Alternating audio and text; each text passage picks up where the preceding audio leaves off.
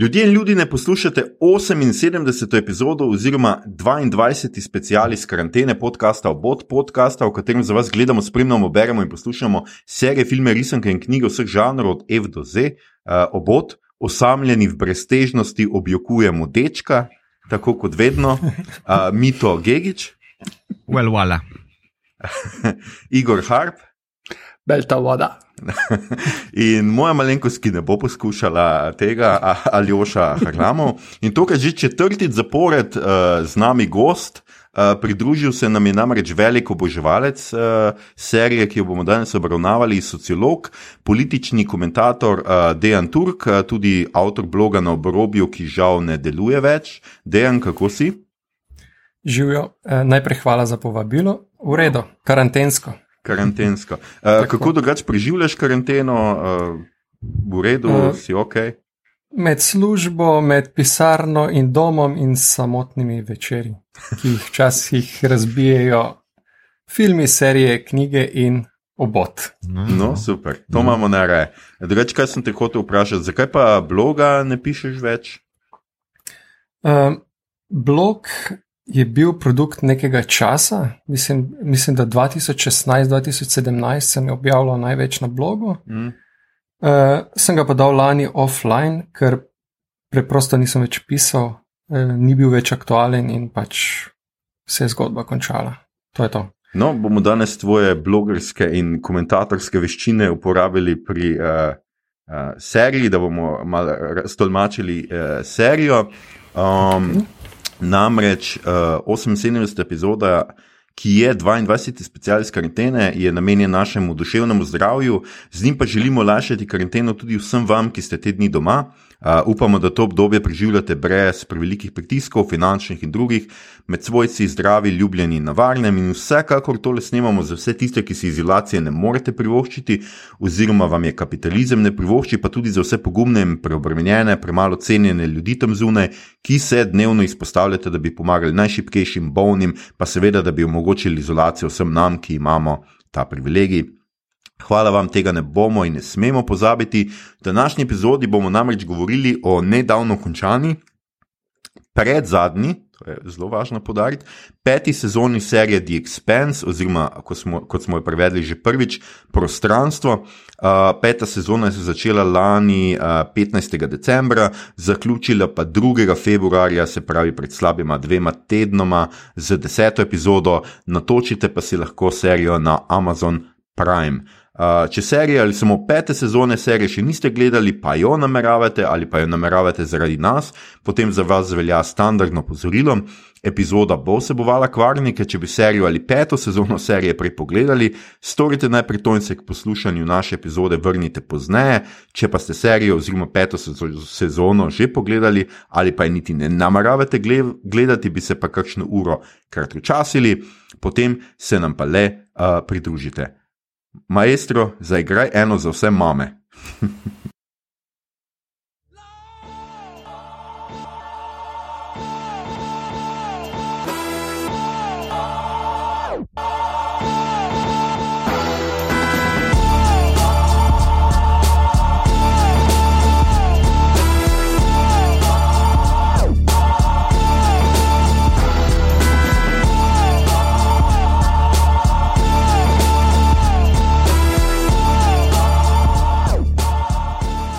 Skratka, živijo, mi smo nazaj v tem norem uh, ritmu, uh, februarskem, karantenskem. Uh, tukaj smo, skušamo biti spet znova aktualni, zato bomo z vami govorili o uh, seriji Expense, uh, za tiste, ki ste seveda. Um, Mogoče novi na tem podkastu, ali pa ne, nam ne uspete tako slediti Eh, tako ažurno slediti, ker ti vendarle zdaj le od karantene mečemo podcast epizode ven, tako da smo uh, plačeni za to.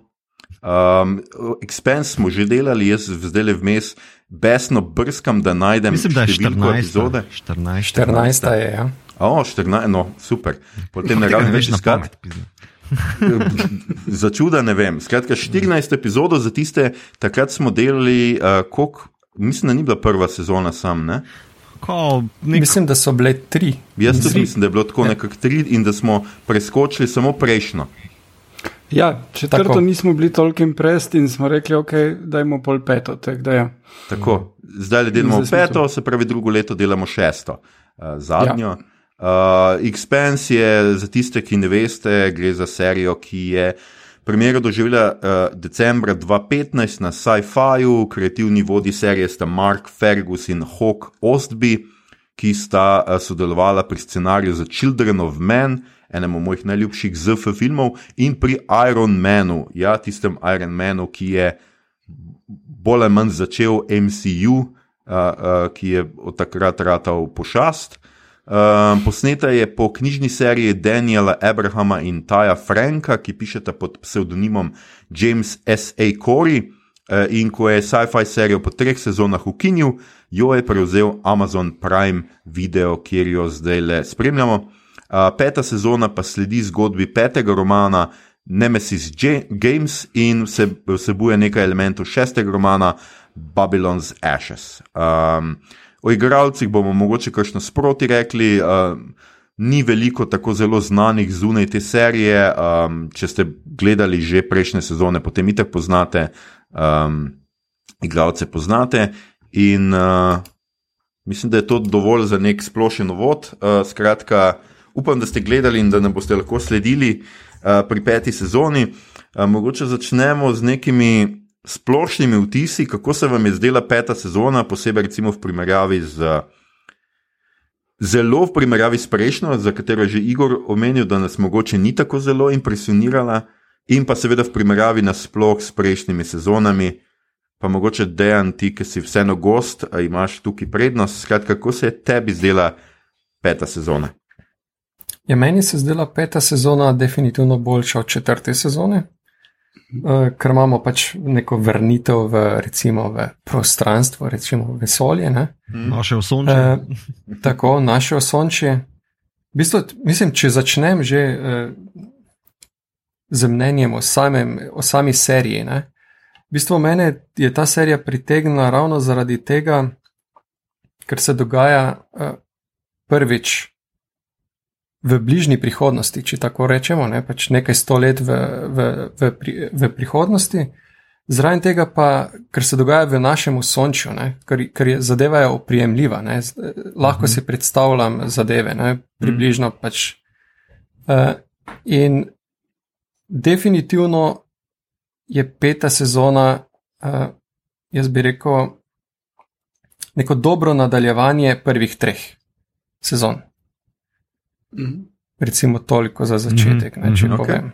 Super, ja, če strinjam, mito. mito? Ja. Uh, če strinjam, ja, mislim, uh, um, četrta mi zdaj v sklopu petih najbolj štrli ven. Uh, res je, da ima drug topos, uh, ampak ja. tudi. Uh, rečemo, ta neki osrednji konflikt, ki je meni najbolj uh, blizu, pri, uh, oziroma me najbolj privlači pri Expensu, mi je najbolj zanimiv, tam bolj omanka in se zreducira bolj na neke individualne loke ali pa individualne konflikte, uh, bolj kot pa pač ta neka vesolska. Um, Prostrana, konfliktna razmerja. No, to, to se mi zdi, da je v četrti najbolj umankalo, oziroma najbolj različno, kljub temu, da v peti imaš ta ozadje tega konflikta, uh, teh frakcij Zemlje, Marsa in uh, asteroidnega Belta. No? Um, je pa zraven pač ta, uh, kako ti rečem, uh, drama med liki, oziroma nek backstory se grejo v peti, bolj kot so se ga pašli poprej. In uh, kljub temu, da me je v prvih parih delih motilo, se je popravilo in mislim, da je čisto ok, dobro zaključeno no, v peti sezoni.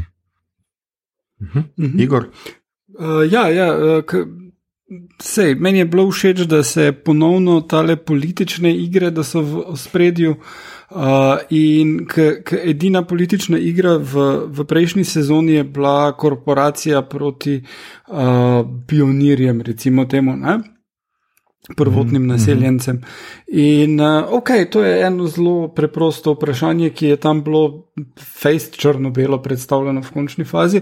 Uh, tukaj pa imaš dost bolj pač te uh, uh, vele sile, kako se borijo in vele sila v nastajanju, ki se posluži uh, čistega terorizma in tisti revil na koncu mi je bil krasno super, kaj se v bistvu Mars gre. ne. K, uh, tukaj uh, cel čas v ozadju ta zgodba Marsa mi je bila genialna, ker bi mi bilo všeč, če bi bilo ful več o tem, ampak hkrati pa je bilo dovolj, da se tisti končni revil tako lepo uh, sestavi. Mhm. Uh, tako da to, se mi je, uh, to mi je bilo všeč, fulno. Uh, kar pa je bilo problem, pa to, da ekipe, ki si se navadil, da je jedro uh, šova, ni skupaj ne? in da jim ne rata vredno, ker ni tega back and forth, ki ga imaš med liki, ki dinamiko ustvarja. Ne morajo izvesti, zato ker so na različnih delih osončja. Ne? In uh, tu je v bistvu kar trpelo, sploh ker so potem določenim likom dali preveč fokusa, ko ni bilo čist potrebno, sploh na, omi. Recimo, uh, ampak ok, je bilo še vseeno vredno. Kot celota je bilo kulno. No, ker si do tega bomo še gotovo, bomo o tem še kakšno rekli, ampak predvsem se mi zdi zanimivo, ne, da vsem se mi je zdela tudi meni v končni fazi, seveda peta sezona, precej boljša od četrte. Čeprav dejansko v resnici v četrti je tako, kot je že Igor nakazal, je bila vsa ekipa nekako skupaj, tukaj imamo pa zdaj res. Um, V bistvu nadaljevanje, nekako vseeno logično nadaljevanje četrte sezone, liki so precej grounded, razen recimo uh, Naomi je bolj ali manj od začetka gre, pač, ko pride vesolje, ostane vesolje, dobro se pol tudi, uh, seveda, oni vsi grejo na, na ladje, ampak uh, vsaj Amos je zelo pač skratka na zemlji ne, in to dobesedno in uh, vseh pomenih pač skratka na zemlji in na planetu in na tleh. In nekako um, zgodba pač je. Um, bolj, spet bi jaz rekel, um, bolj lokalizirana. Ne? Se mi zdi, da nimamo, um, da šele na koncu dobivamo obrise tega, kaj je to teroristično dejanje, oziroma kaj bi uh, Marko Inaros, Inaros sploh rad naredil. Uh, vmes pa nekako se mi zdi, mene malo recimo presenetilo vseeno to, da je bil velik fokus na Zemlji, čeprav je Inaros napadal oba planeta, um, pa nismo imeli na Marsu nobenega counterparta, se pravi nobenega, uh, da bi imeli tako, kot imamo seveda tam um, Avasaralo, ne, da bi tudi tukaj imeli uh, nekoga, ki bi uh, pač pokazal, kakšen vpliv ima to na Mars in da je tam zgodba pač, ko sta seveda Bobby in um, kaj že pilot pač zapustila Mars, smo na Mars kar nekako pozabili do konca, ko se pač pojavi zdaj te frakcije oziroma karkoli že ti ljudje z Marsa, ki sodelujejo z, z Belteri, so. Mito? Ja, veš, kaj se mi zdi, da Mars nam omanjka, zato ker sta oba dva velika takrat že off-planet uh, in zvesta mm. za napad na Mars uh, uh, preko poročil. Mm. Mislim, da v tem, v tem je kleč. Uh, ja, ker je point of view character, so uh, ja. tudi v knjigi je tak. Ne? In uh, tukaj bi edino, kar bi lahko Mars not dali, bi bilo, če se Aversarala z nekom pogovarja uh, preko ja. feedov, uh, mm. kakršnih koli komunikacij, uh, česar pa potem niso vključili, kar ne bi bilo narobe, če bi bilo not na mesto mm, nomi, ja. kak uh, trpi. Se strinjam. ja. Dejan, ti si bral knjigo, ne? Ne, si- nisem. Nisi prebral knjige? Ne, ne, ne. Aha. Ja, pe, peta vse- še jaz tudi nisem uspel. A ja, ni noben od vas prebral knjige. Ja. Ne. Madonna. Ne. Jaz sem Ampak- prve tri. Aha, Uh, jaz, jaz ja. sem ugotovil, da uh, je serija odlična, ampak da ko, če najprej berem knjigo, si ustvarim eno ful drugo podobo. V knjigi je stvar v tem, da fizika je full ball grounded, Mhm. kar pomeni, da ko izstrelijo rakete na drugo ladjo in potem čakajo dva tedna, da bodo tja prišli, ali pa ne vem, ali pa vsaj pet ur. Mhm, In mhm. potem tukaj pa izstrelijo, pa so tam, ne? ker pač razdalje vesolja morajo biti za televizijski format mm. uh, pač skrčene. Ja. In uh, en kup teh stvari pač je, je full ball grounded, in potem vidiš to na TV-ju in se ti zdi tako malo. he, hollywoodsko. Če pa najprej gledaš serijo, pa je čist believable, pripečljivo, super, mega, pa še prebereš knjigo, pa ti da eno, en čist drug pogled. Uh, sem se pa odločil, glede na to, da oni ne delajo ena knjiga, ena sezona, ampak delajo malo približno, da bom še malo počakal, zdaj pa ne vem, bom, uh, če bom počakal do, do šeste sezone, da vse preberem dalje ali ne, ampak uh, ja. ja. Jaz sem pa uh, bral pred uh, serijami, uh, predtem sem potem gledal, ampak snehal pa pr, po četrti, ker um, uh, četrta sezona sta bile dve knjigi, ampak tudi tako razdeljeno, polovico ene, tretje pa polovico uh, četrte knjige ne, in je bilo malo zmešano. Tudi uh, malo me razočaralo, ker v četrti knjigi uh, Cibola zbrn, če se ne motim je uh, toliko več štofa, ki se zgodi uh, na planetu samem. Ne? In sem opazil, da, da sem bolj razočaran, če prej berem. Uh, samo to, niti ne, da bi me zdaj. Ne vem, fizika ali pa liki, pa tako naprej, ker uh, knjiga zelo dobro postavi ene like, pa serija tudi ok, naredi lepe alternative temu. Uh, tako da v mm -hmm. tem oziru jaz nisem trpel zgolj v tem, uh, da sem se frustriral, da ja, je tu še toliko več štofa, da si probi še to noč stisniti, ne na mesto, da pač ne vem. Uh, special effects filejo. Um, mm. No, ja, jaz pa obljubim, da se lotim knjig. ne, videl sem, ali jih nisi ti kupil, se meni sem zdelo, ja, da sem mam, videl, da aha, to si imam. Imam okay. pa osem knjig, tak, tako. Aha, no, vidiš. Se zdaj, pač, eh, eh, tudi pri knjigah, če prav razumem, je deveta zadnja. Mm -hmm. ja. Da so tako napovedali. Je pa pač ja, zanimivo, mogoče zdaj tudi v luči vsega skupaj. Mm, da seveda uh, letos so napovedali, da je šesta sezona zadnja sezona uh, serije.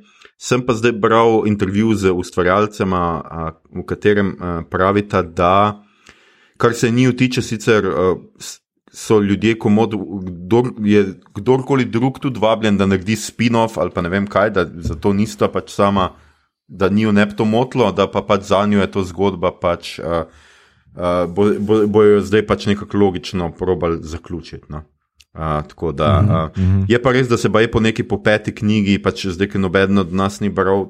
Pač ne vem, ampak če sem prav razumel, po peti knjigi, tudi, po šesti knjigi se nekako tudi res ta zgodba nekako logično zaključi, in pol so sedmi in osmi neki drugi rokavi ali nekaj tako.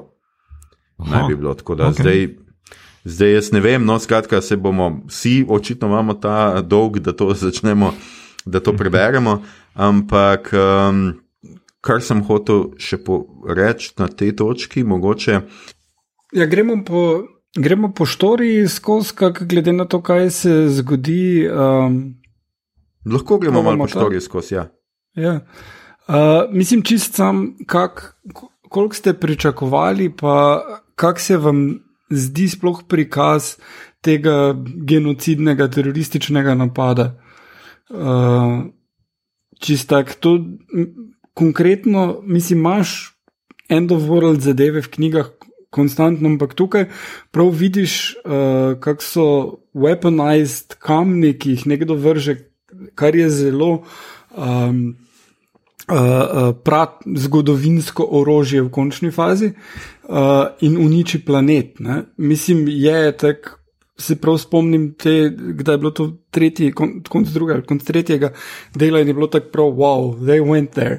Do tiste točke sem mislil, da bodo ustavili in uh, se mi je zdelo tako kar hardcore.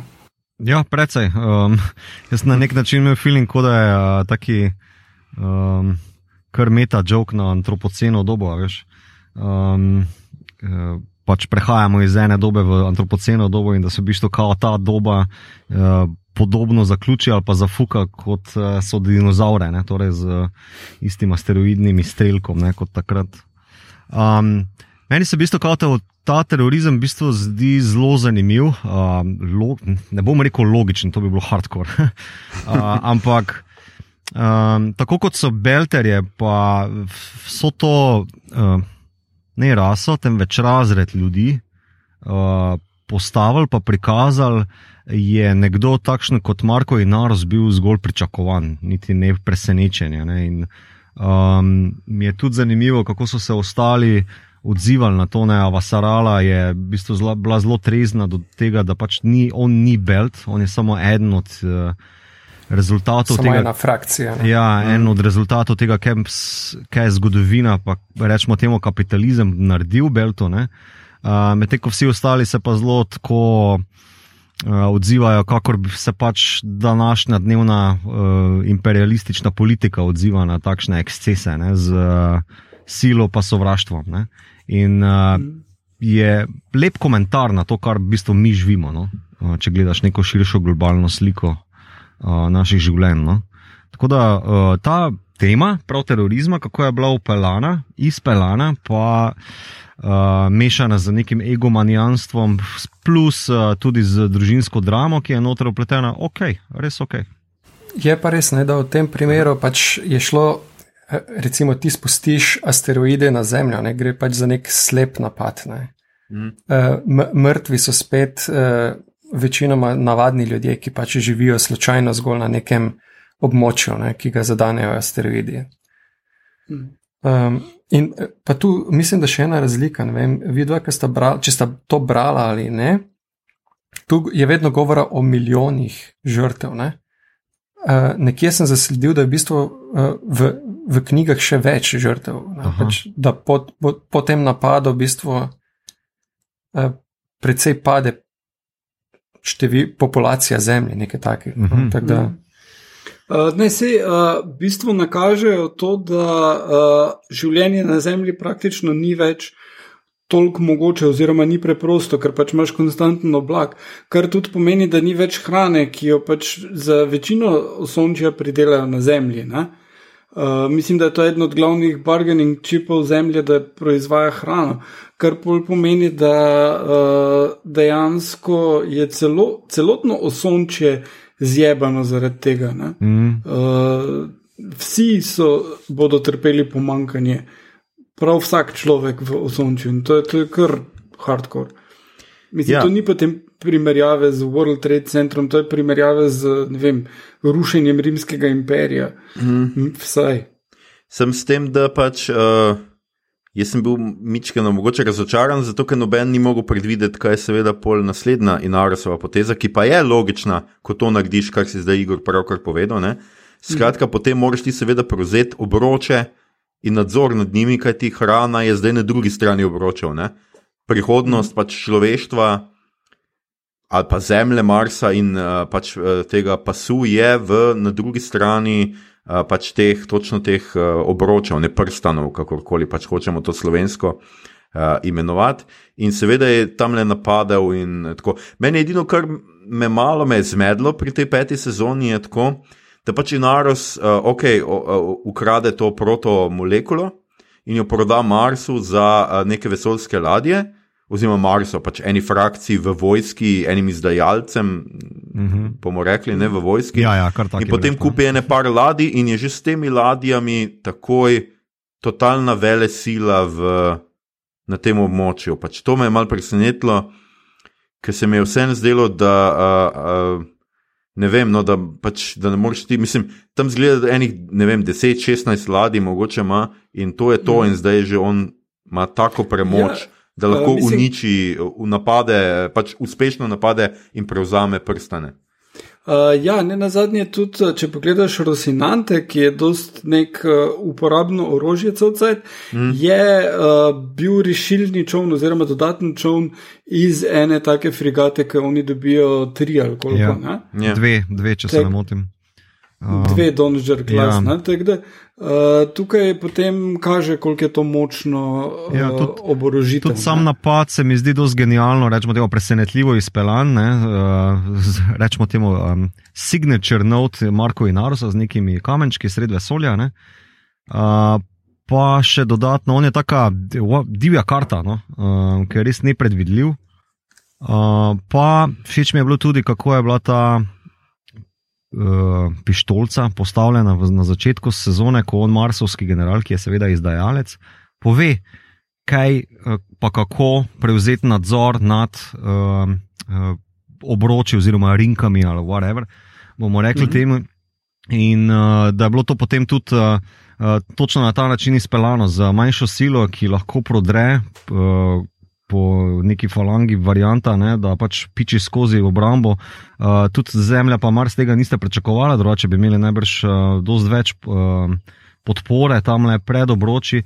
Plus dodatno Medina Station je Marko Inaros prevzel ne, in še od znotraj uh, Ring Space mm. uh, udaril. Ne. Tako da. Mm. Um, dejansko super, uh, natančno izveden surprise attack. Jebeno uspešen, koliko je imel žrtev, mogoče dve, tri, dve, tri ladice je tam kazalo na onih ekrančkih. Ne? Ne, z političnega stališča, z teh političnih iger je ta peta sezona zelo v redu in, in mislim, face šokantna in presenetljiva, dost krat. Mm. Mi je pa po drugi strani te osebni odnosi, pa so samo nekateri delovali. Ne? Recimo um, tale um, Amos pa Pičis, to je bilo super, to mi je bilo full všeč. Mm -hmm. uh, Medtem, ko uh, Naomi bi pa tisto bi pa skrajšal za pol, vsaj ker.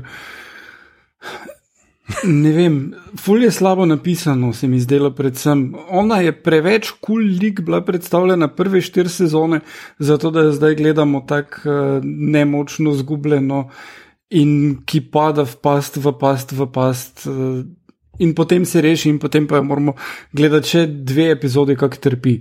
Mislim. Mm. Dejan, ti si hotel nekaj reči? Ja, verjetno, mislim, pač moje mnenje je, da čist preveč časa je zauzela ta njena osebna zgodba, recimo v, v mm. tem, ker se praktično vleče čez eh, pet delov, nekaj takega. Mm -hmm. mm -hmm. In čist preveč. Eh, dalo bi se to povedati v krajše, um, strnjeno, tako kot je, tako kot je rekel Igor, ne, se mm -hmm. strinjam. Mm -hmm. Ja, jaz se tudi strinjam tukaj. Mislim, predvsem, um, mogoče najboljše mi je pri Naomi delalo ta njena muka na oni um, ladici, predvsem z praskanjem noter, uh, koliko krat je šla brez kisikove bombe ven reševati nek uh, čist specifičen inženirski problem, ki ga ona ful obvlada, ne? ona je znala skužiti, kje, kje teži. Uh, in mm -hmm. tudi to bi lahko za komot rekel. In hindsight, da poreže to zadevo, ampak je delalo na neki kao ta high stakes emocionalni ravni, bolj kot pa odnos, ki ga je želela spostaviti s Filipom, uh, pa ga pridobiti nazaj, bolj kot vsi oni dialogi, ki jih je imela. Ne? Ker tam je pa res zapadala v neke, rečemo temu, se upravičujemo, ampak histerične momente noter uh, kjer je bilo že zelo na začetku, zelo zgodaj jasno, da pač tukaj ne boš mogla dobiti. Zdaj pa, ali si je lik to zaslužil ali ne, ne vem. Mislim pa, da mogoče na podlagi scenaristov in režiserja, da bi tu predvideli, da je to pa to, pa ona bi se tako pa tako pa da je vse tukaj, ne vem, zafilati za Holdom, mogoče ali pa za Amosom, ker on, on lok je meni čisto ok delo, mogoče več njegovega tega mafiozo zgodovine, noter, whatever, razumeš, tu bi lahko full še nafilali. Ja. Ali pa Bobby pa Amos, naprimer, ne. Ona dva sta v bistvu zelo hitro bila porinjena v neko špiralo pa, akcije, Alex. ne. Um, Tako da, ja. Ja. Uh, ne, ja, Alekse so morali ven ja. črtati, uh, ja, zato ker je igralec Kas Anvar, uh, kar so ugotovili med snemanjem, uh, hodil po konvencijah, pa zapeljeval mladenke in je imel več uh, obtožb. Uh, da v bistvu to svojo slavo iz Expensa, pa uh, se še nekje prej bil, mislim, Lost ali nekaj ta, uh, zdaj uh, izkorišča za pač v stranje. Praktično. Ja, uh, praktično posiljuje uh, punce in da to ni kul, cool in uh, potem so ga zelo potisnili v zadje že v tej sezoni in uh, odstranili. Na, uh, pač torej, ga ne bomo način. pogrešali. ja. ja, ne, mislim, ja. jaz bom pogrešal lik, igralca, ne, ampak je bena škoda ja, na večjih ja. nivojih. No. Um. Čeprav meni se je zdelo kar ok, da so speljali, no, tako da ni bilo, mislim pač ker niso tega na novo snemali, ne? on mm -hmm. je mhm. bolj sam neki en prizor. Mislim, da je sem, še to ne vem, če so na novo karkoli posneli. On je sam mm -hmm. v mhm. ofu pos, uh, nek glas ali karkoli, ja. če sem jaz prav razumel, ampak se ga pač fental. Zdelo se mi je, da je. Seveda bi to mogli boljš prikazati, ne pač tako, da on že ve, Bobi tam umeni, ja, pač čist preveč na, s temi mamili, preveč uh, pospeško delava, vse to se bo pač lahko grdo konča. Valjda, da bi to mogli še nekako prikazati in da je bilo to pač res totalni šok za tiste, ki pač niso pričakovali, ampak smo vsi nekako pričakovali, da ga bojo ubili, uh, mm -hmm. ker je pač kar naenkrat preklopi sred nekega drugega emocionalno zelo visokega prizora, ne, kjer pač Bobby reši Naomi, je potem naslednja njegova smrt in je pač preveč naenkrat. Mm -hmm. Sem drugače, jaz mislim, da so to na koncu čist ok, uh, ok rešili.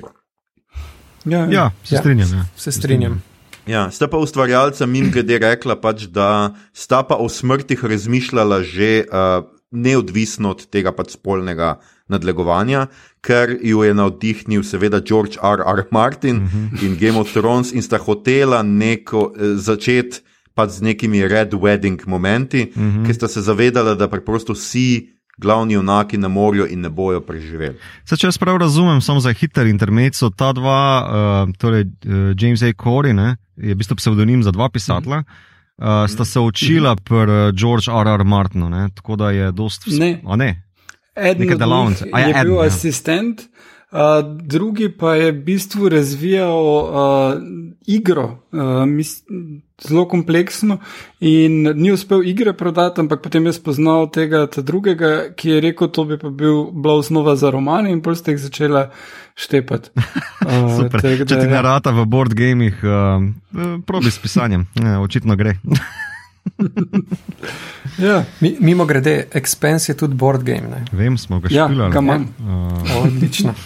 Pa, ja. pa da ne pozabimo, še Fred Johnson odide. Uh -huh. ja. uh -huh. ta, ta mi je res no, bil šoker. Mene je bil šoker. No. Ja.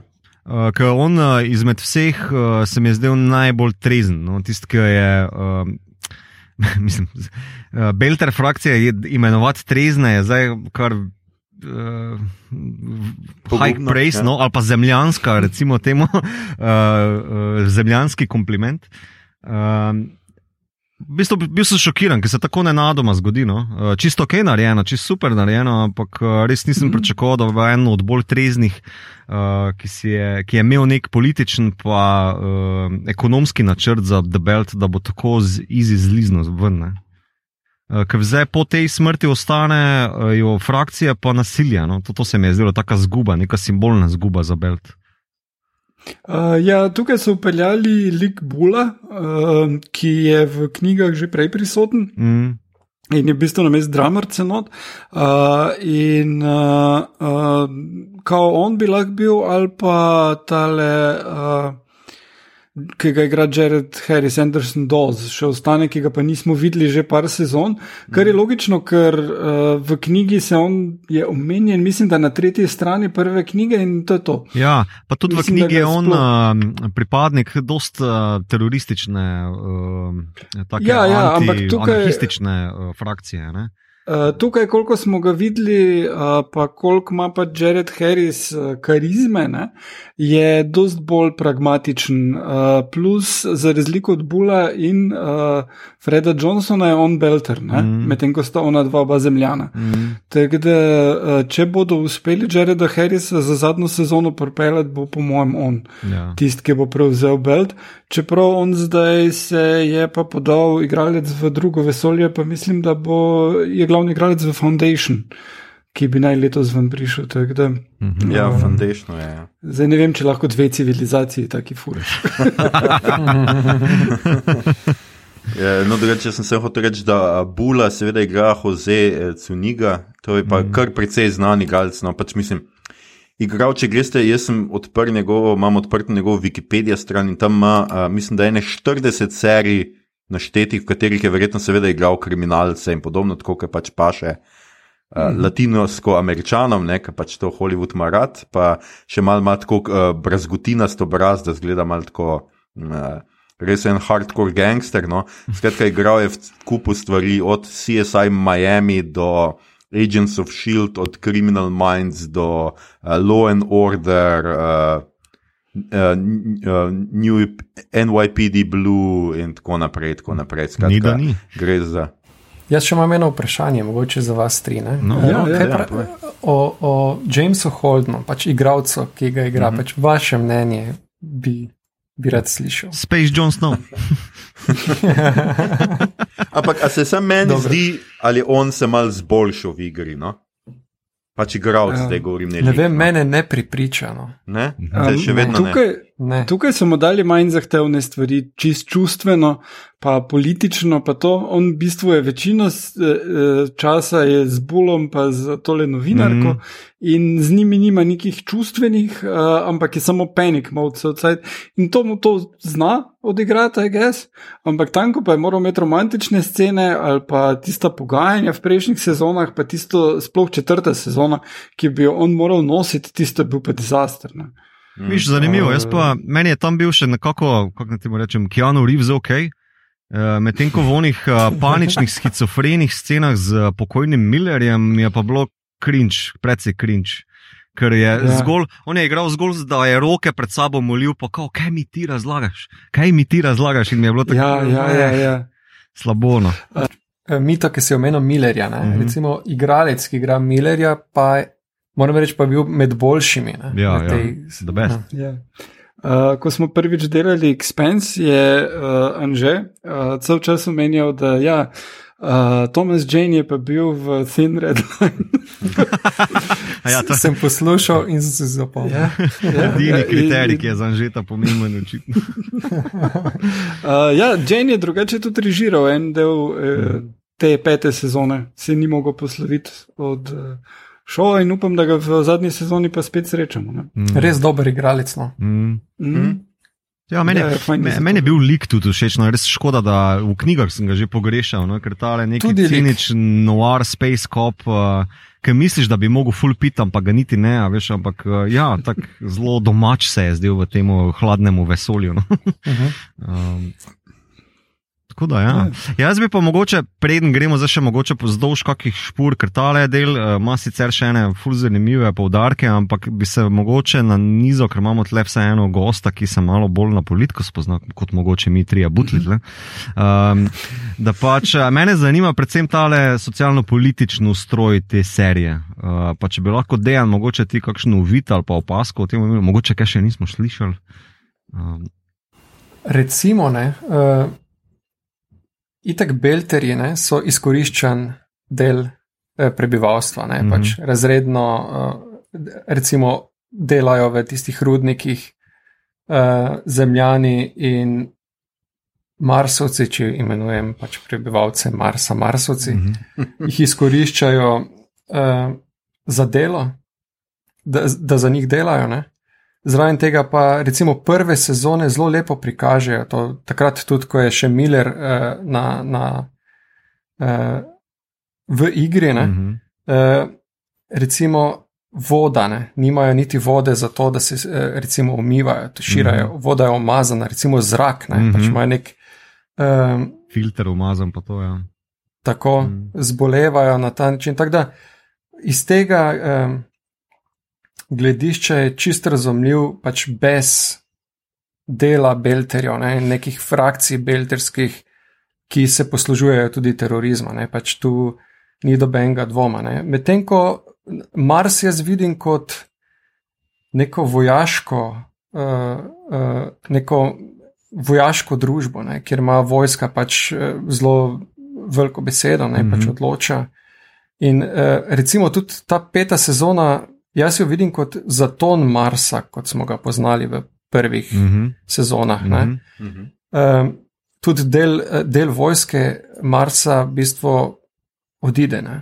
Uh, to vidimo pač mm. -hmm. potem na koncu. Um, Medtem ko zemlja, v, zemlja pa prenaseljena. ne. Eh, Zelo, lep, zelo lepo se je to videlo, recimo, ko, je, ko sta bila Amos in Peaches v tistem gozdu. Če se spomnite, ko Mhm. se pogovarjata, kako lepo je iti čez gost, ne, tam, uh, ker praktično skoraj ni več gozdov na zemlji, ne, Ja. to, ker je vse pač uh, prenaseljeno. Ne, Ja, to me- Mislim, da živi 30 milijard. Ne, Ja, če se 30 ne milijard. motim. Ja. Ja. Tam je en taki hiter uh, dialogec je o tem, kako. A ti nisi šel za šolo, sem pa sadil dreves, ker je pač to, veš, tako ena, ena posebna šolska ekskurzija, kot dan v naravi, ampak sadiš drevesa, namesto da se greš po rogli hajkat. Um, ko, ko se mi je zdel tako uh, lep, uh, easy world building. Um, Ampak če nadaljujem, ne, mhm, seveda, ja, eh, pardon. Uh, ne, nič hudega. Uh, recimo, meni se zdi, da serija ful premalo pove o nekih družbeno-političnih ureditvah Zemlje, Marsa. Ne? Tudi recimo frakcije Belterjev v bistvu so zreducirane na osebe. Uh -huh. nič, kaj, nič kaj globje ne zvemo. Ne? Pač verjetno se razlikuje njihov pogled na marsikaj, ne? ampak bolj ali manj so zreducirane na osebe oziroma na bolj ali manj radikalnejši odklon do Zemlje in Marsa. Mm -hmm. To je mhm. vse, kar v seriji izvemo. Ne?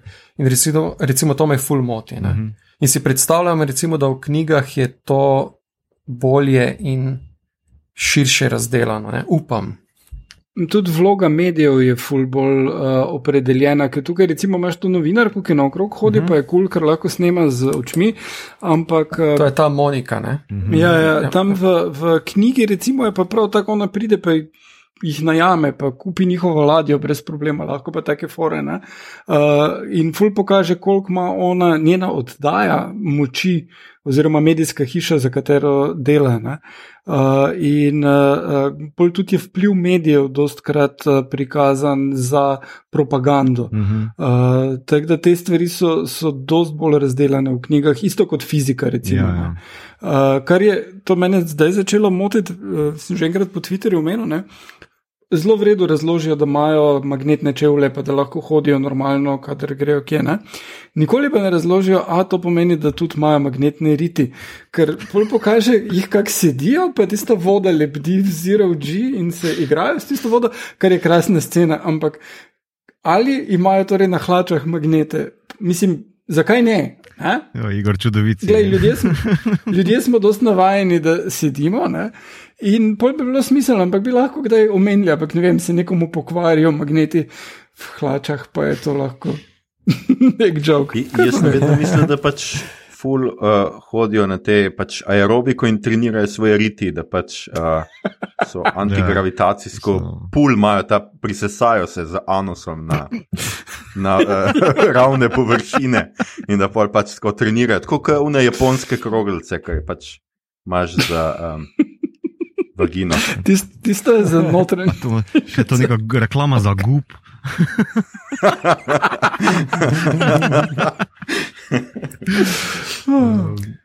ja, da je nekaj si hotel.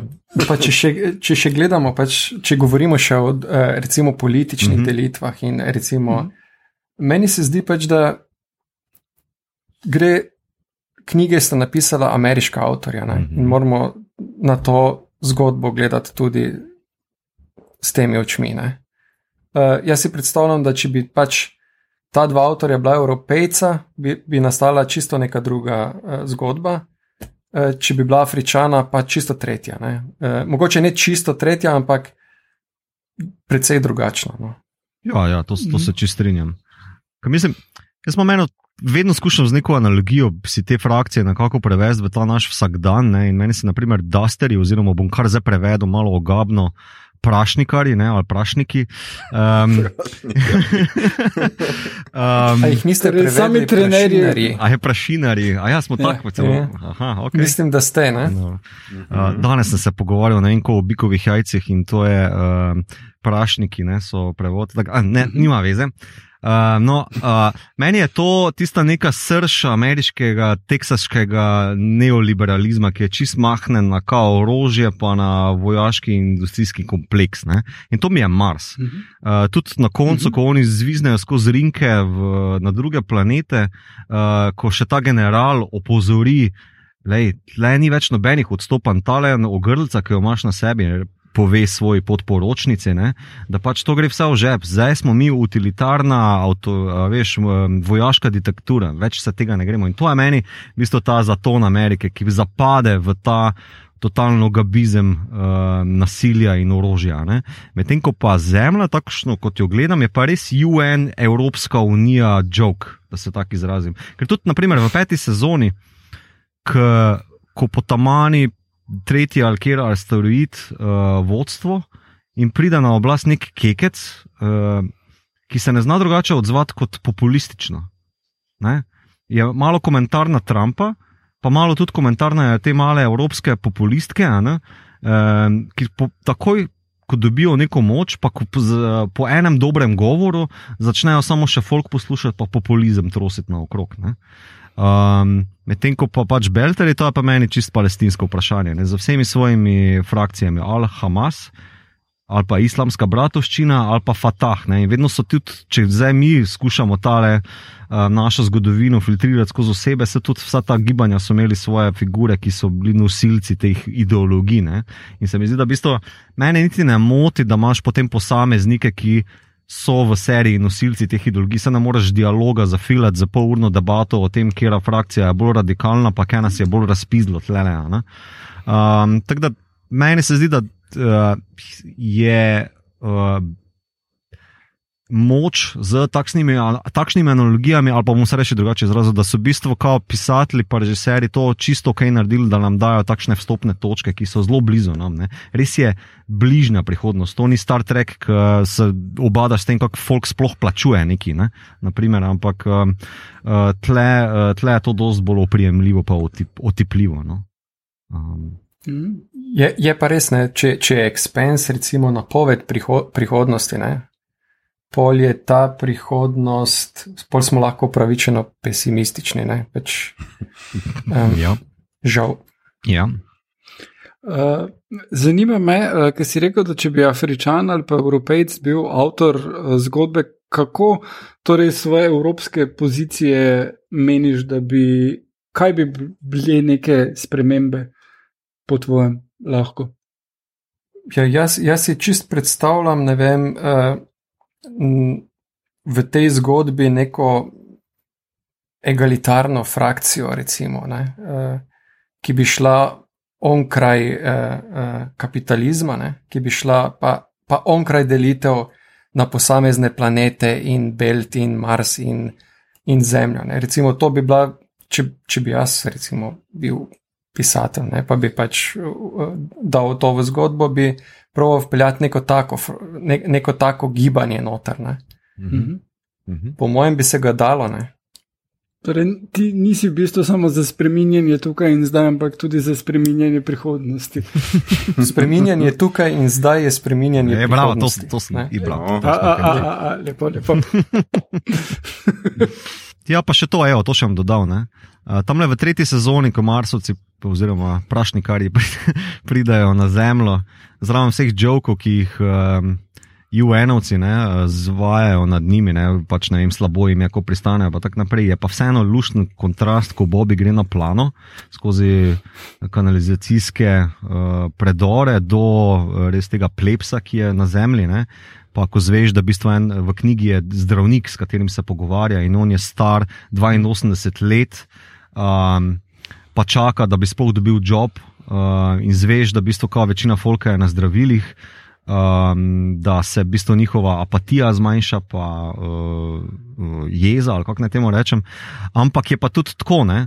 Um, Izkaže se kot neki totalno boring, čisto dolgočasen welfare state, In je v bistvu tukaj mogoče nek, nek vidik ali pa vse kritiko vidim, ki, ki jo lahko filtrira skozi ameriškega pisca. Ne? Ker to je tisto, kar američan najbolj očita, ali pa mu gre najbolj na kurac na Evropi. Ne? Vse ste sami socialisti, pa vsi ste samo lenuhi, pa noben nič ne dela, pa levo desno. Ne? In imaš v glih Marsice potem kao, da mislim, tako, ta kontrast, ki lepo kom, yeah. komentira te naše, resmo temu, fucking zlorabljeno čezatlantske odnose. Ne? Um. Ja. Uh, hkrati isto očitajo Kanadi. Uh -huh. uh, zanimivo je, vse skupaj posneto v Kanadi, seveda, z večinoma kanadsko zasedbo. No, je pa nekako tako, mislim, je pa tako, vseeno se mi zdi kar tako. Um, Kar pač pri tej seriji vedno občudujemo, je, da je neka, imaš nek občutek realnosti, mm -hmm. neke da. stvarnosti, da, da je. Ne, recimo, pač to, kar si ti zdaj mi to povedal, je seveda zelo logično. Eh, ker je dejansko prihodnost sveta, je welfare state, ko nam bodo roboti odzeli jobe, bo zelo težko karkoli drugega, ne, kot welfare state in marsikdo.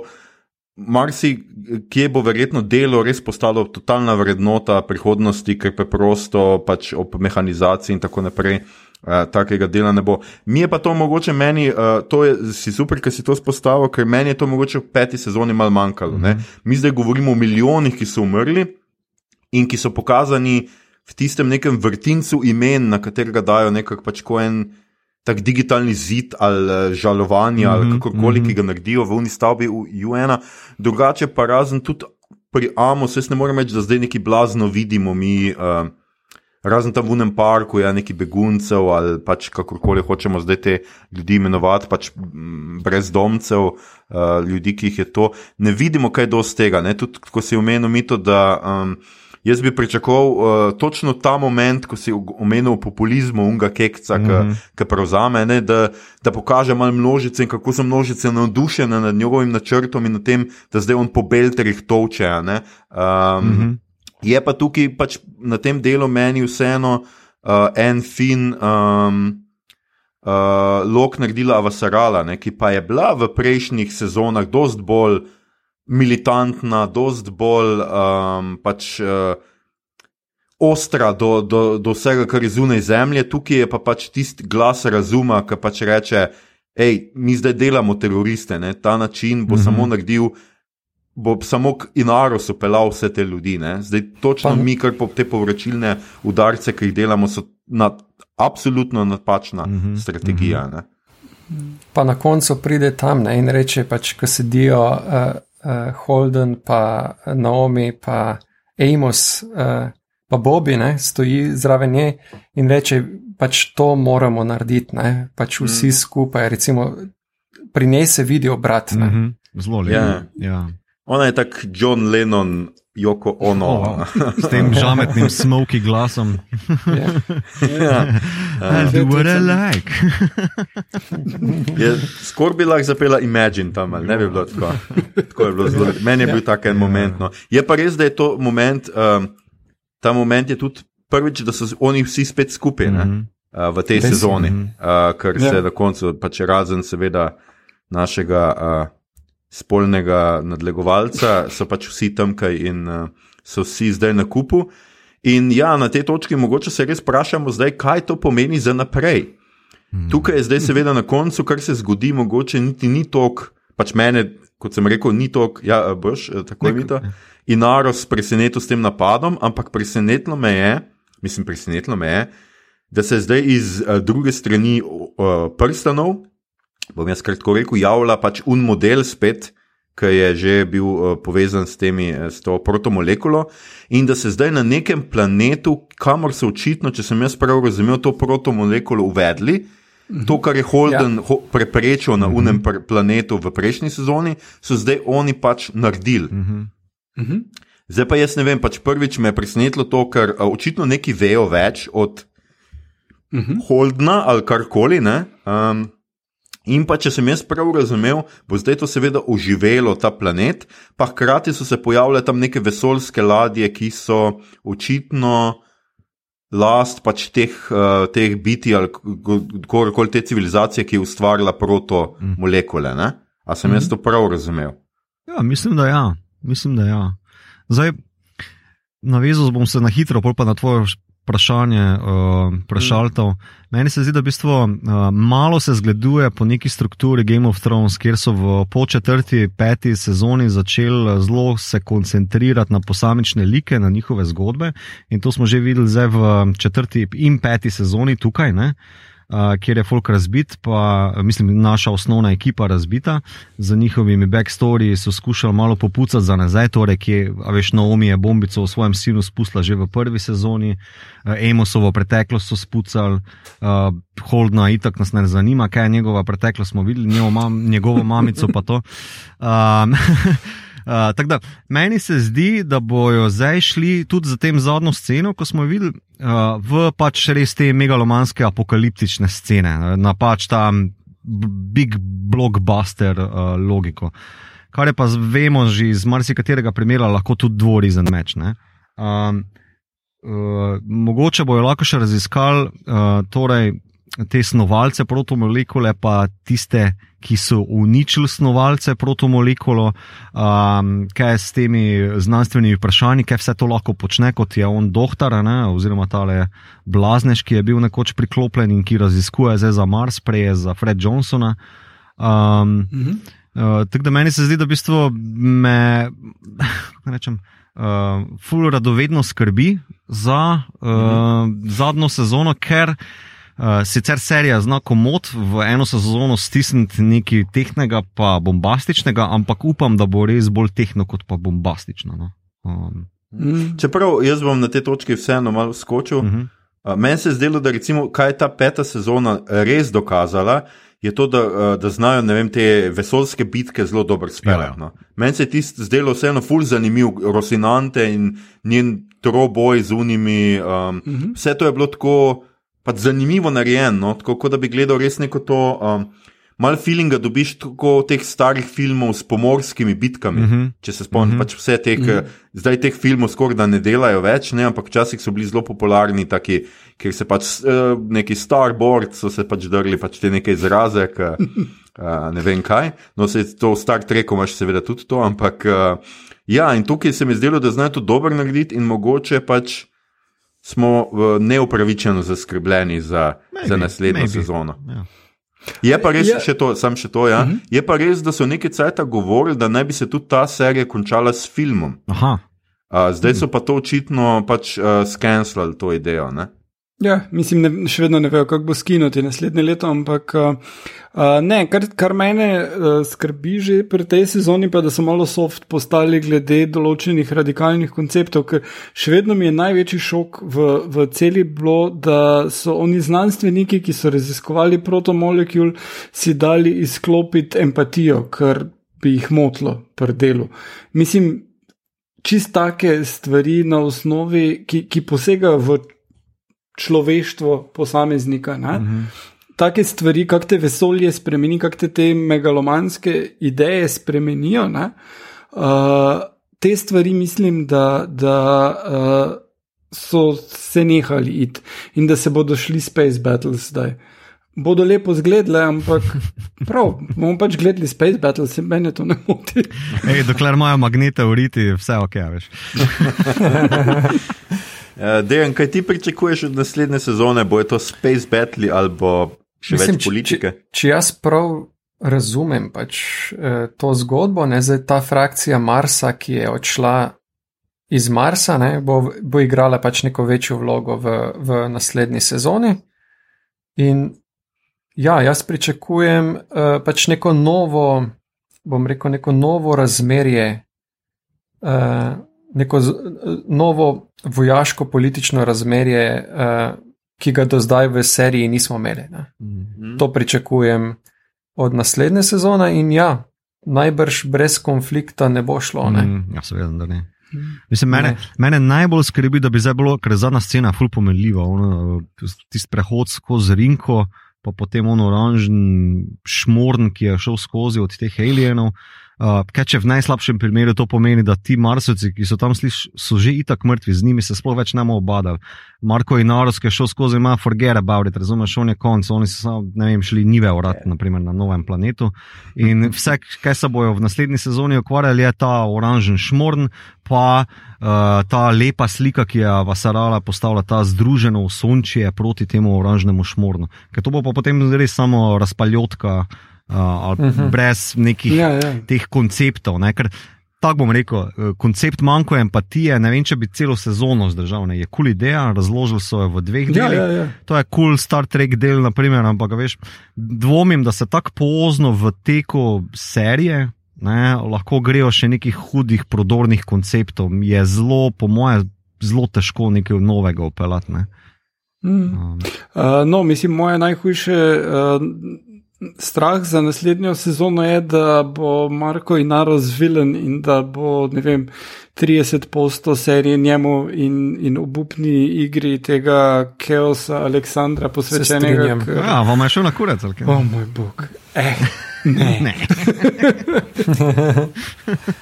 Ampak meni se je zdelo, da je pač na živce nam šel mogoče res zaradi te slabega loka na omi zgodbe. Meni ja. men on sam ni bil to napačen. Pa še na koncu se mi je zdelo, edina dobra stvar pri zgodbi od Naomi mi je bila to, kako on pol njen pobeg spet izkoristi, da sina mm -hmm, pač redmo mm -hmm. pokaže.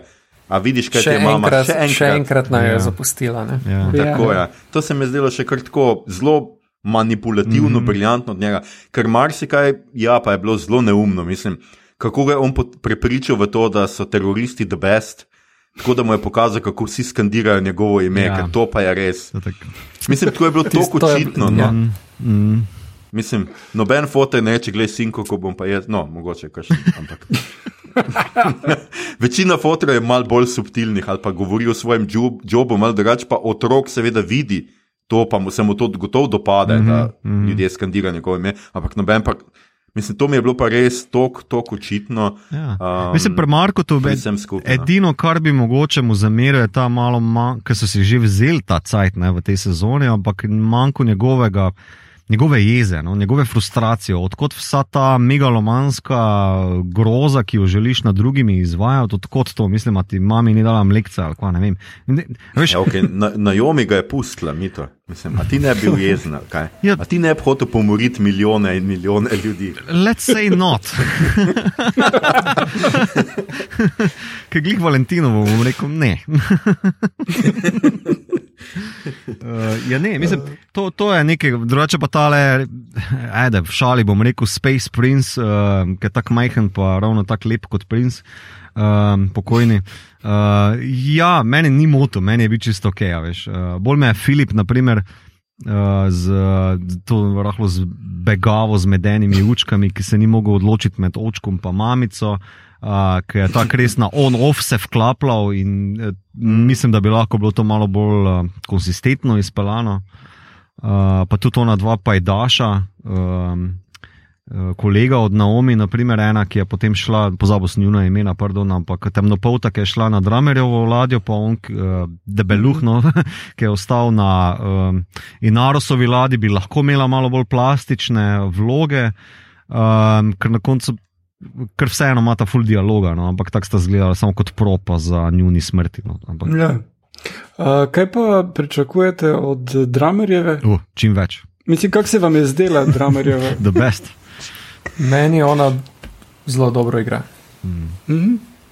Ja, fajn je pa zanimivo. Tu je bil en lušen world building, kako so oni v bistvu uh, community, ne, Ja, ja, ja. ja. taki ladje. Ne? Zato, Da, da pač so, so um, kako se že temu reklo, v 60-ih komuna. Ja, ja. To se mi je zdelo ja. lep kontrast, če primerjaš uh, Dramerjevo ladjo napram Narosove. Tam je na pol neka manipulativna gaslighting strahovlada, ne? medtem ko na Dramerjevi ladji je pa uh -huh. ljubezen, pa vzajemnost, pa kolegijalnost, tovarištvo, igranje z mehurčki vode v, v Tisti vakuumu. trenutek, ja, ja, ja, to, ja. Vse je ful lepo in ja. mi je bilo zelo pomembno, da je bilo to ful dobro, pa lepo vzpostavljeno, no, ta lep kontrast. Ja, pa mislite, da zdaj naprej sezoni, pač po vseh žrtvah, ki jih je dala skozi, lahko Dramerjeva preživela? Ker meni se zdi, da tako je zgodba strukturirana, bo ona in zdaj suicide, death. Ma, ne, jaz, jaz, jaz mislim, da če gremo na R.R. Martin varianto, da bi neko tako res backstabbing izdajstvo najbolj prizadel. Uh, veš, ena taka grozna, grozna belter smrt. Ali pa ne, da bi Earther naredil neko grozno smrt, ne vem, nekaj, nekaj groznega. Uh, čeprav, uh, dramer, I love you, ampak za zgodbo nucam neki čustva.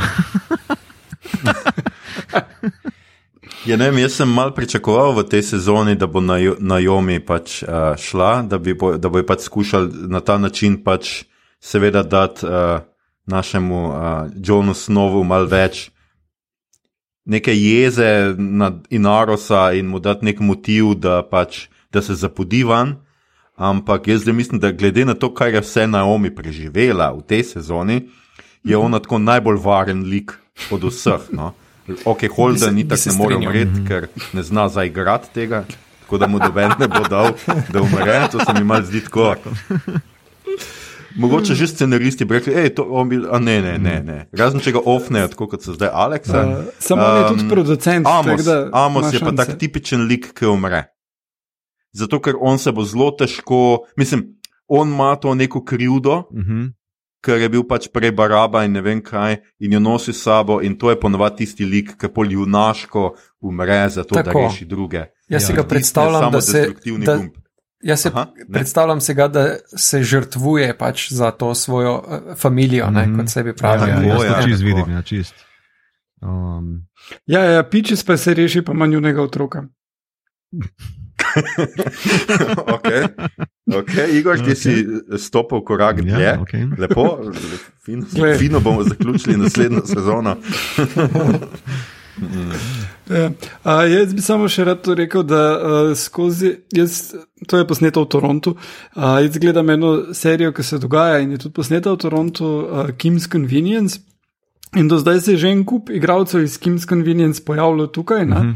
In sicer uh, tiste, ki tam je mati v oni familiji, uh, uh, je bila kapitanka Donodžerja. Uh, sin familije je bil uh, v marinski, v eskadrili marincev, ko so uh, šli not v ring, ko so ujeli Holdna. Uh -huh. uh, zdaj pa je bil eden od uh, prijateljev družinskih tam, uh, Mr. Mehta, pa je bil predsednik UN.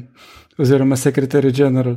Tako da imajo še ne štiri like v tem sitkomu, ki jih morajo zdaj v zadnjo sezono še spraviti. Ja, pošljimo ta spisek uh, producentom, to mora biti not. uh, ja, se, mislim, glavno vlogo ima Paul Sung Hyung Lee, ki je bil pa v uh, Mandalorianu, tisti, uh -huh. uh, uh, kaj že, neki uh, vozu X.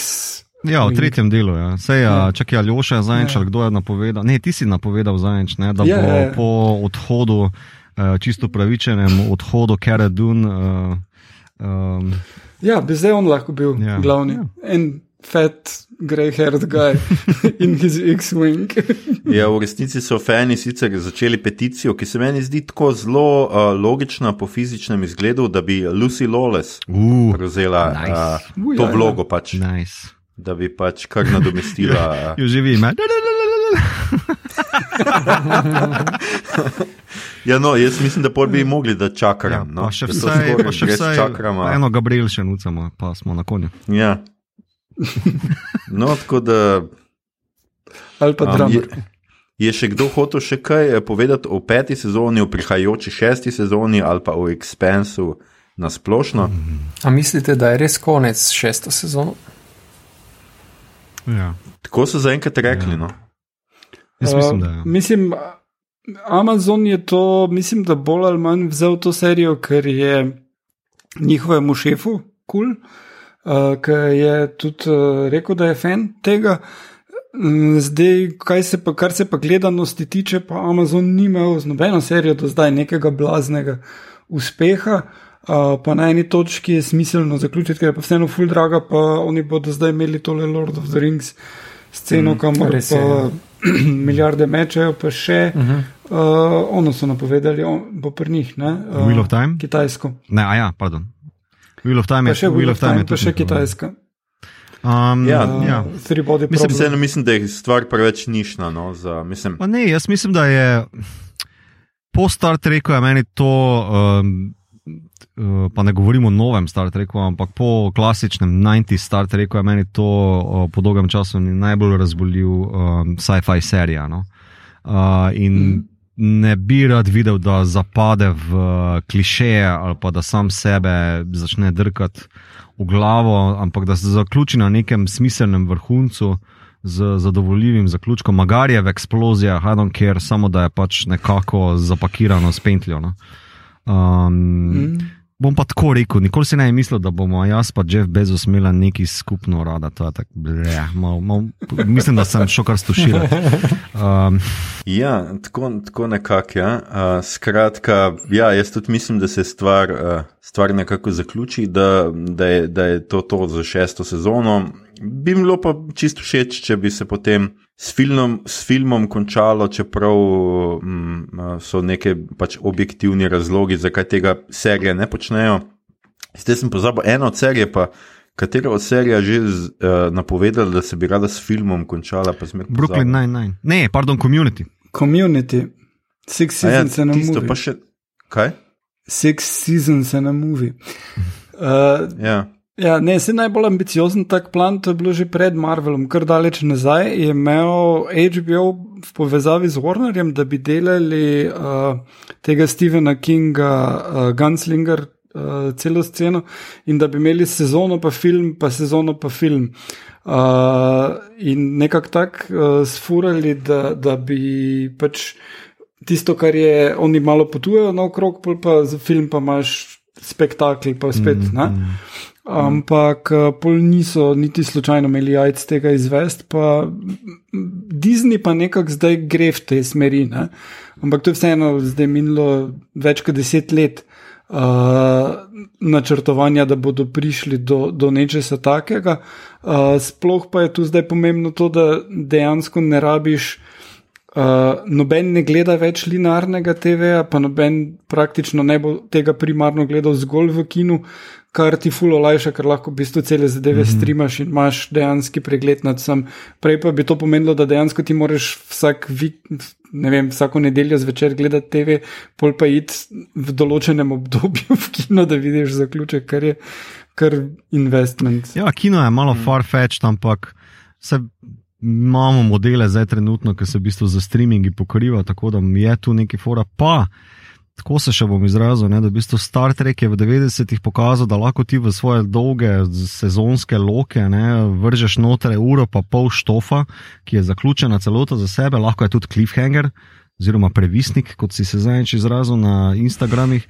Um, Uh, in imaš teh mini filmov znotraj serij, ki uh, nadaljujejo zgodbo tudi uh, zelo, ni pa šlo v kine, seveda ne, ampak to, takšna mm. produkcija bi komoci zaslužila nekaj tasga. Ne. Mislim pa, da le, kino mm. za TV serije, mah, eno si je, vrži na HBO Max, I don't care, razumeš, je čisto ok. Mm. Ja, ja, ja. No, je pa tudi seveda eden od uh, teh vzornikov, očitno, pač če je Game of Thrones, recimo je seveda tudi Game of Thrones zadnje sezone imel po uro, pa mm -hmm. skoraj da uro pa pol dolge dele. Ne? Tako da tudi mhm. tukaj pač pretočnik ne rabi, ni, ni osredotočen na eno uro, mm -hmm. lahko je pač del dolg uro pa pol, lahko je en del dolg dve uri, pa je en mini film. Lahko daš dva dela naenkrat ven, pa je spet mm -hmm. nekako, če ljudje pogledajo druge za drugim, je kot film. Tako da tukaj se da marsikaj, kar se pač še nekaj let nazaj ni dalo. Tako da uh, Jaz mislim, da bomo videli in vsekakor uh, pričakujemo pa še vedno dobro šesto sezono in jaz upam in res si zasluži ta serija končati z eno super zadnjo sezono uh, in uh, pač narediti. Ta premik in ostati kultna zavedno. No. No, no, kar, me, kar me je letos, recimo pri tej peti sezoni, še motilo, da, da rečem mm -hmm. to, da, da, je pri, da je šla tedensko ven. Recimo, mene, jaz bi osebno imel to recimo, dajte mi deset delov, ne, mhm. dajte mi dva dni, adijo. Ah. A ja, ti si bolj, ti si skratka bolj. Uh, Dejan, razvadil si se, razvadil si se. Ja, ja. To imam rad, recimo, da, da sam Aha. odločam, ne da čakam en teden. Viš, to, to je kapitalizem, Viš, jaz, jaz veš, da si konzument. ja, imaš prav, evo. Jaz imam pa raje, jaz, meni, jaz pa tako najbolj uživam in imam dosta raje. Mm -hmm. recimo, mm -hmm. Meni je recimo uh, The Expense v redu, tudi zdaj WandaVision rad gledam, tako da pogledam en del na teden in je to mm -hmm. to. Ampak recimo meni, meni vrenko sede, mm -hmm. tedensko, mhm. tedensko, ne? Expense bi pa imel bi imel, takrat v tistem obdobju bi imel. Veš, da te na pol vidim, kaj je prav z tem citatom na majici, kao, here comes the juice.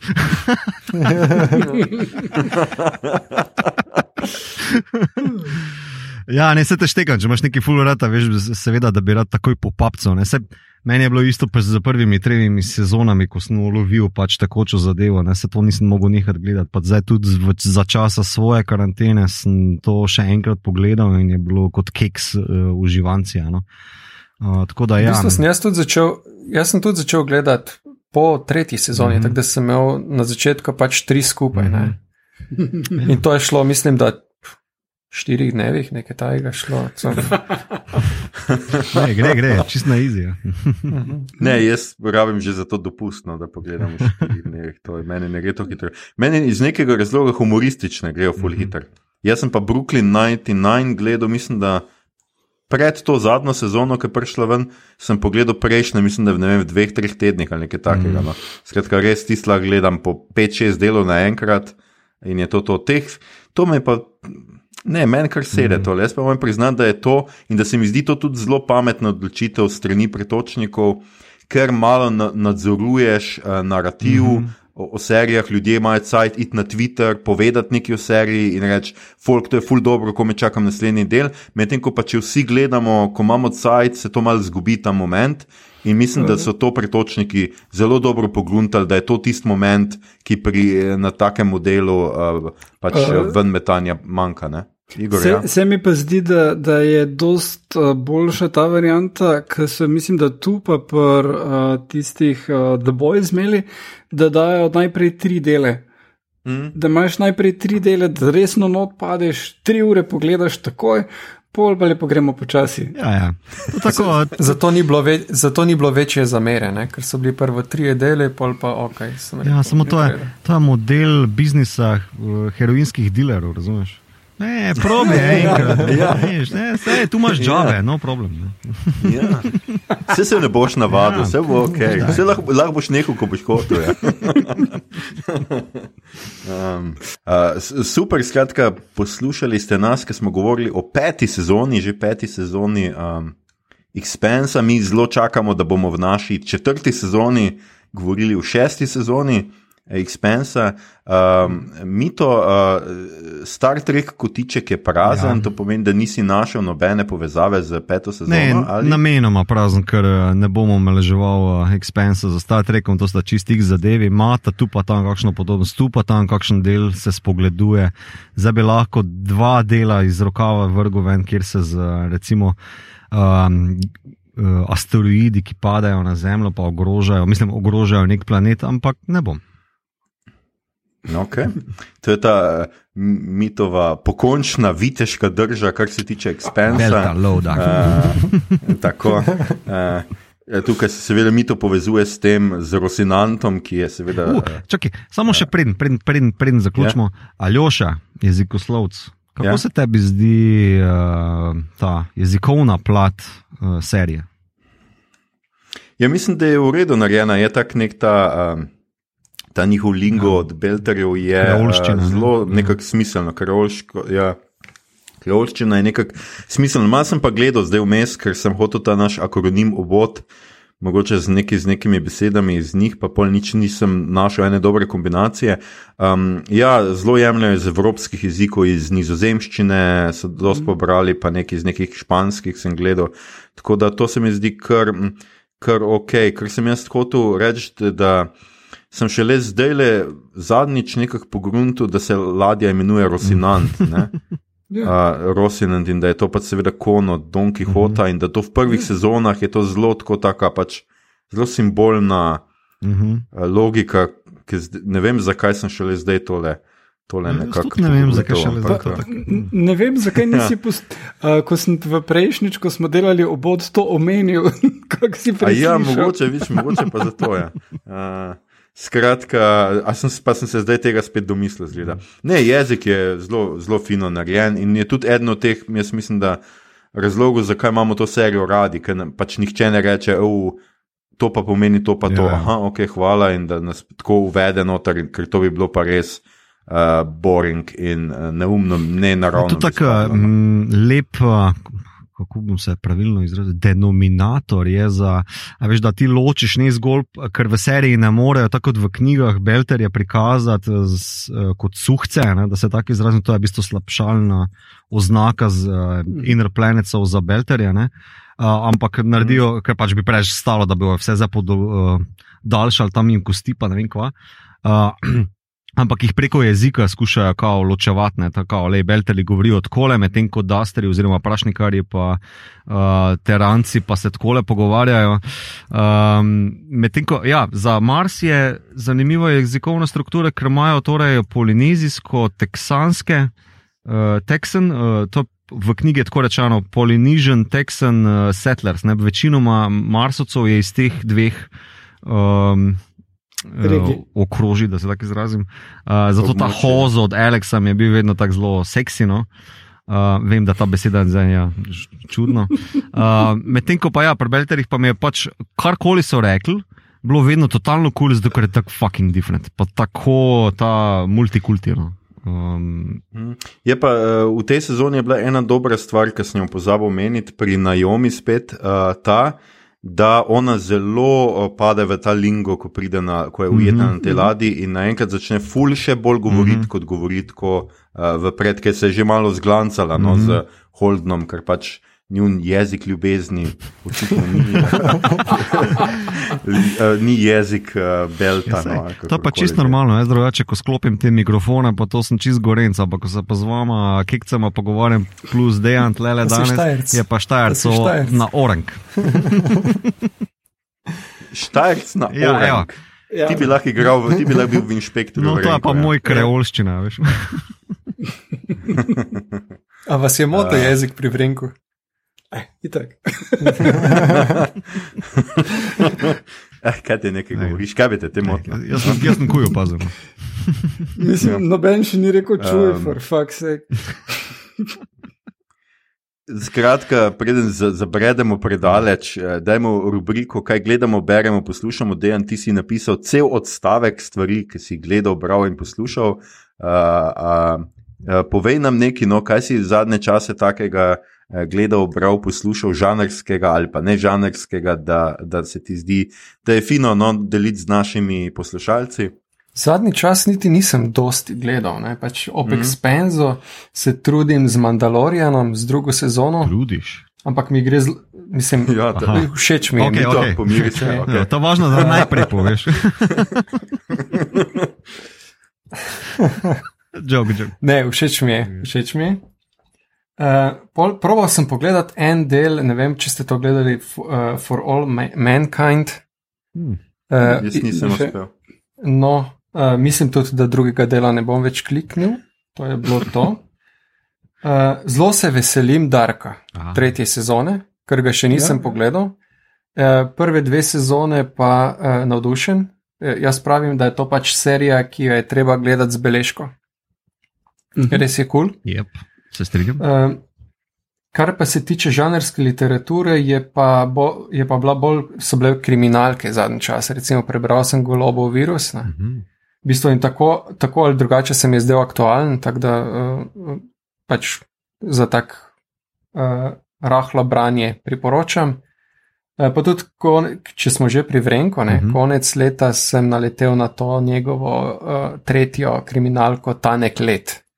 Mhm. V bistvu je zelo kratka, pa zelo hitro se bere, pa zelo lahkotna je. Ne? In prav zdaj mislim, da peti pa šesti del sta v bistvu po tej knjigi. Aha, ne. ok. Tako je, danes, Ja. je bil peti, danes je bil prvi del tega tankega uh Mhm. -huh. ledu. Ja. Um, skratka, fino, hvala, Dejan. Ja, inšpektore Vrenka mislimo delati uh, menda že v naslednji epizodi. Mhm. Um, Igor, ti si uspel celo nekaj pogledati v teh dveh dneh, kar uh, smo snemali prejšnjo epizodo. Uh, ne, samo prejšnji sem dal dve, pa zdaj dve, ker sem uh, dost stvari gledal. Uh, glega, Um, glega prefriganega Uh. fanta. No? Veš, Ja, on, ja. on nama skriva, stari, zato da naj lahko preseneča. To, zelo lepo od tebe, Igor. Uh. Skratka, kaj si, kaj si pa pogledal? Ja, ta, ta dva filma sta moji uh, zadnji dve uh, oceni iz uh, vikenda. In uh, glih, ko sem napisal jih tukaj skupaj, sem ugotovil, da ima to obe dead v naslovu, kar je lušno. Um, prvo je All My Friends Are Dead. Kar je uh, prvi film slovenskega avtorja, uh, slovenskega režiserja na Netflixu. Uh, in uh, sicer ga je posnel Jan Belcel, ki je iz Pragerskega, drugače pa asistent od Mitja Okorna in uh, je torej uh, Okorn tudi producent tu zraven, pa je malo sodeloval pri razvoju zgodbe. Uh, gre se pa za tako dost simpel uh, najstniško štorijo, kjer, ki se začne z dvema poli- kriminalistoma, na ogled imata pač scene zločina in ti prijeta v sobo in je tako sama trupla povsod, mrtvi na mrtvi na mrtvih. Um, in uh, uh, je 1. januar, novoletna zabava je bila, ki ni šla čist v redu, in potem se začne postopoma, kako je prišlo do tega, od tega, da se imajo vsi radi in plešajo, do tega, da nekdo najde pištolo, da pač se stvari s stopnjo alkohola in mamil pripeljejo do, do tega, da so vsi mrtvi, je pa kar uh, smešno.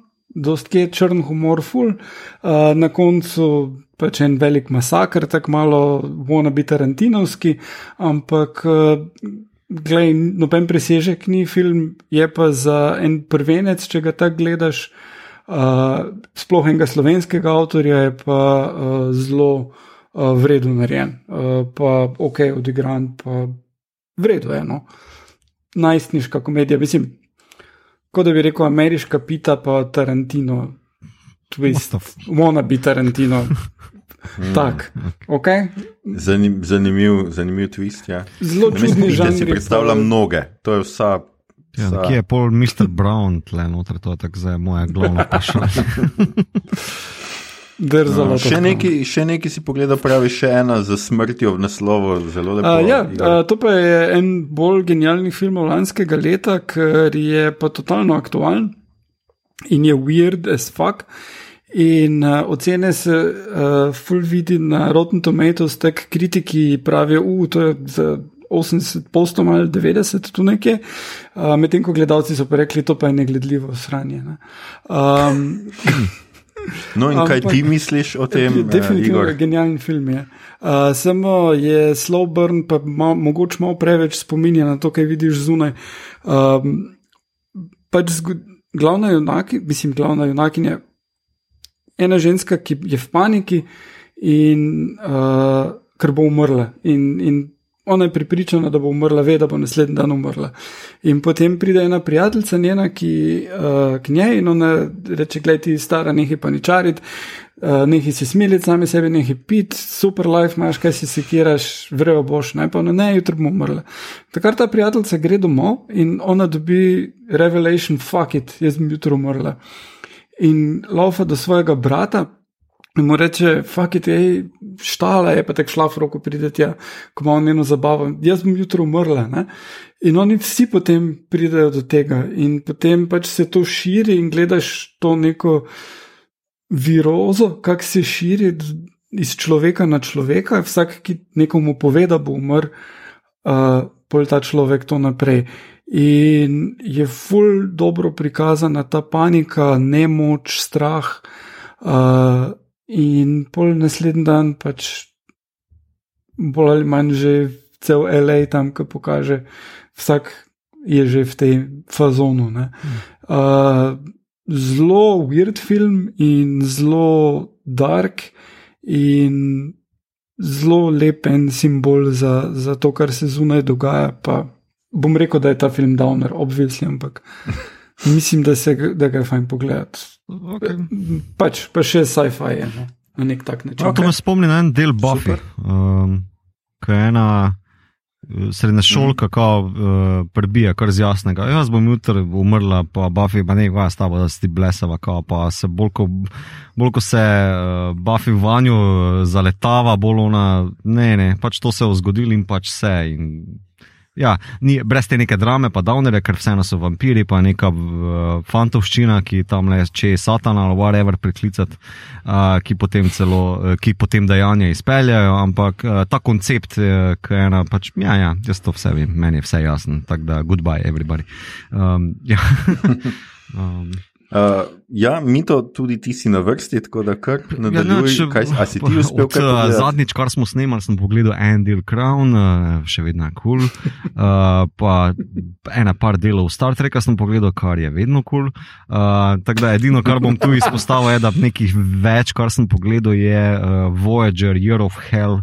Part 1 in 2, kar je zelo contemporary, uh, pa na našo temo se navezuje, ker pač je po vesolskem prostranstvu se sprehaja en genocidni manijak, ki radira planete iz časovne linije, zato da bi restauriral svoj imperij uh, nazaj. Um, fun.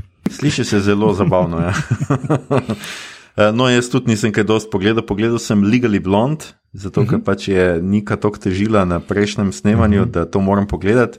In se bolj ali manj strinjam s tem, kar ste že Igor in Nika povedali o tem filmu. Meni se je zdel zelo, zelo fin pogled na to, kaj, uh, kako nas recimo. Ne, uh, Znotraj tega, da ona itak je bogata, in tako, ampak kako recimo znotraj nekih stvari, znotraj nekega sloja, recimo nas loči tudi ta kulturni kapital in kako je v resnici, uh, kako ona, pravzaprav to je film, ki govori o tem, kako ona osvoji ta kulturni kapital in, ga, uh, in se s tem se pa vseeno ne spremeni, to, kar je Igor podaril in to se meni zdelo super pri tem filmu, ker je eden redkih, ki pokaže to, kako človek recimo, lahko pridobi kulturni kapital, pa vseeno ne spremeni nekega svojega mm -hmm. bistva, ki je topla in odprta oseba do drugih slojev, recimo, ker se ona spoprijatelji s to neko manikirko ali kako se reče tem ljudem, ki se z nohti ukvarjajo.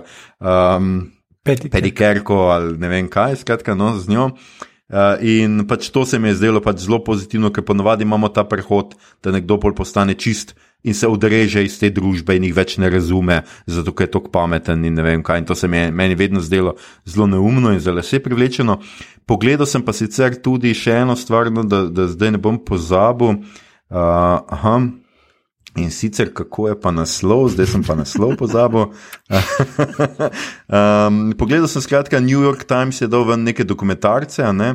uh, uh -huh. mislim, da je New York Times ali ja in sem pogledal dokumentarec Framing Britney Spears. Uh -huh. In vse, kar lahko rečem, je hashtag Free Britney Spears. Ljudje, to je noro. Uh, skratka, Britney Spears je njen oče, je poseduje njeno telo in njeno kariero, in ona se zdaj bori pravno bitko, da se reši iz tega objema, ker je on uh, pač ta nek klos pač ta neko zakon eh, na njo spustil, ki ga mi ponavadi uporabljamo za ljudi, ki so stari, betežni, nemočni in se ne morejo več odločati o svojem telesu in o svojih financah. Mhm. In tako in je on to pobral, pa je že živi tako ne vem koliko let. Pač mene je to presenetilo, nisem nek britni fan, ne morem tega težiti. Trditi, ampak vsem se mi je zdelo, da bi nekaj takega vedel, kaj se je dogajalo, pa očitno pojma nisem imel, kaj se dogaja. Eh, z njo, tako da ja, definitivno hashtag Free Britney in uh, res katastrofa. No. Okay. Kaj pa Justin? Če v kapitalizem. No. Uh, Justin se je zdaj nekaj upravičeval, sem videl. Ja. Mislim, vem, da zaradi tega dokumenta. Ampak jaz smo to... nazaj, lahko rečem sam. Aha, okay. Aha. Jaz smo nazaj, lahko rečem sam, kraj mi je river.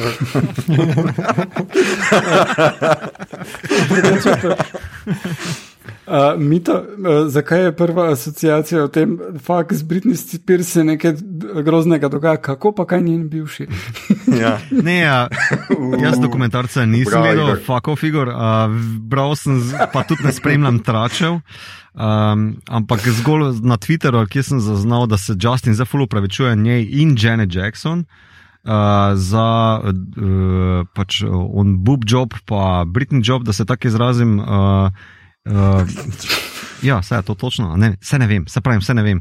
Zato sem vprašal, ker ne vem. Jaz se, ja. uh, še bom vsekakor pogledal ta film, ki me tudi zelo zanima. Drugače pa, zdaj, ko si pogledal Legally Blonde, obstaja en film z podobnim konceptom uh, in sicer Miss Congeniality s Sandro Bullock, ki me je isto presenetil. Dost, uh, dost podobno pozitiven in ok film je, pa, plus um, Shetner Granot. A imaš ci? Oh, no. ja, imaš ci, absolutno. Um, ja, super. Uh, ljudje in ljudje ne boste verjeli, ali pa, jaz ne vem. To je bila naša 78. epizoda. Uh, poslušali ste podcast, ki se oglaša na ime Obot. Um, podcast, skratka, za. Uh, serije, filme, risanke in knjige vseh žanrov, od F do Z, ki ga gosti mreža Apparatus. Eh, z vami smo bili, Dejan, prebivalec Marsa, Marsovec, Turk. Uh, Če kaj vam dalje. Aha. Mito, danes sem se pogovarjal o bikovih jajcih, Gigič. Um, Igor Polsta jih začela štepati, harp. Uh, in uh, Aljoša, reklama za gup, oh, ja. uh, to epizodo smo posneli preko spleta z naših domov, mi se čuvamo še vedno, upamo, da se vi tudi še vedno s tem, ko čuvate sebe, čuvate tudi svoje bližnje sosede, sodržavljane, še vedno s tem pomagamo razbremeniti medicinsko osebje, čuvamo se lahko samo skupaj. Ostanimo skupaj, tudi ko smo narazen. Če vam je bilo všeč, kar ste slišali, širite, lajkajte naš podcast, naročite se na njega preko vašega najljubšega appa oziroma ponudnika podcastov, dajte na kakšno ceno na Apple Podcasts, spremljajte platformo aparatu z odličnim izborom podcastov za vsakega.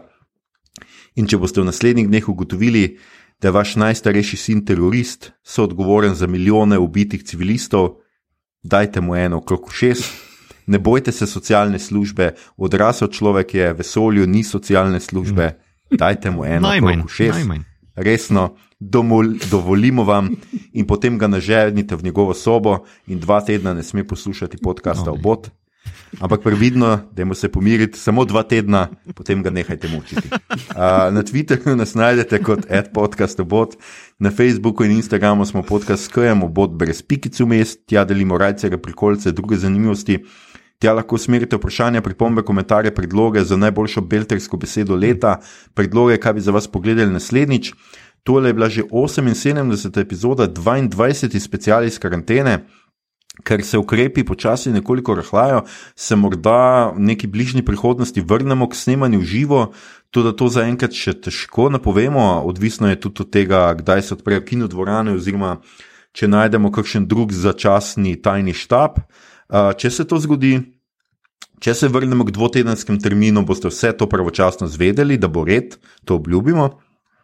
Verjamem pa, da bomo vsaj še nekaj epizod, naslednjih epizod snemali preko spleta, lahko vam zaupam nekaj naslednjih tem, na katere se pripravljamo. En od njih smo že omenili, primer inšpektorja Vrenka, potem 30 kovancev ali zlatnikov, mhm, domnevam, Lupin, morda celo Snajderjeva liga pravičnih, ne, ne se, se hecati z nami. Še posebej, če boste poredni, bomo to zagotovo naredili. Um, Skratka, počasi se bližajo tudi Oscari oziroma nominacije za nje, velike tem, veliko stvari imamo v načrtu, obodovke in obodovci, mi se vsekakor veselimo prihodnosti, bližne, daljne, upamo, da se vi tudi in se poslušamo spet k malu. Ajde. A imamo kako beltersko? Aj.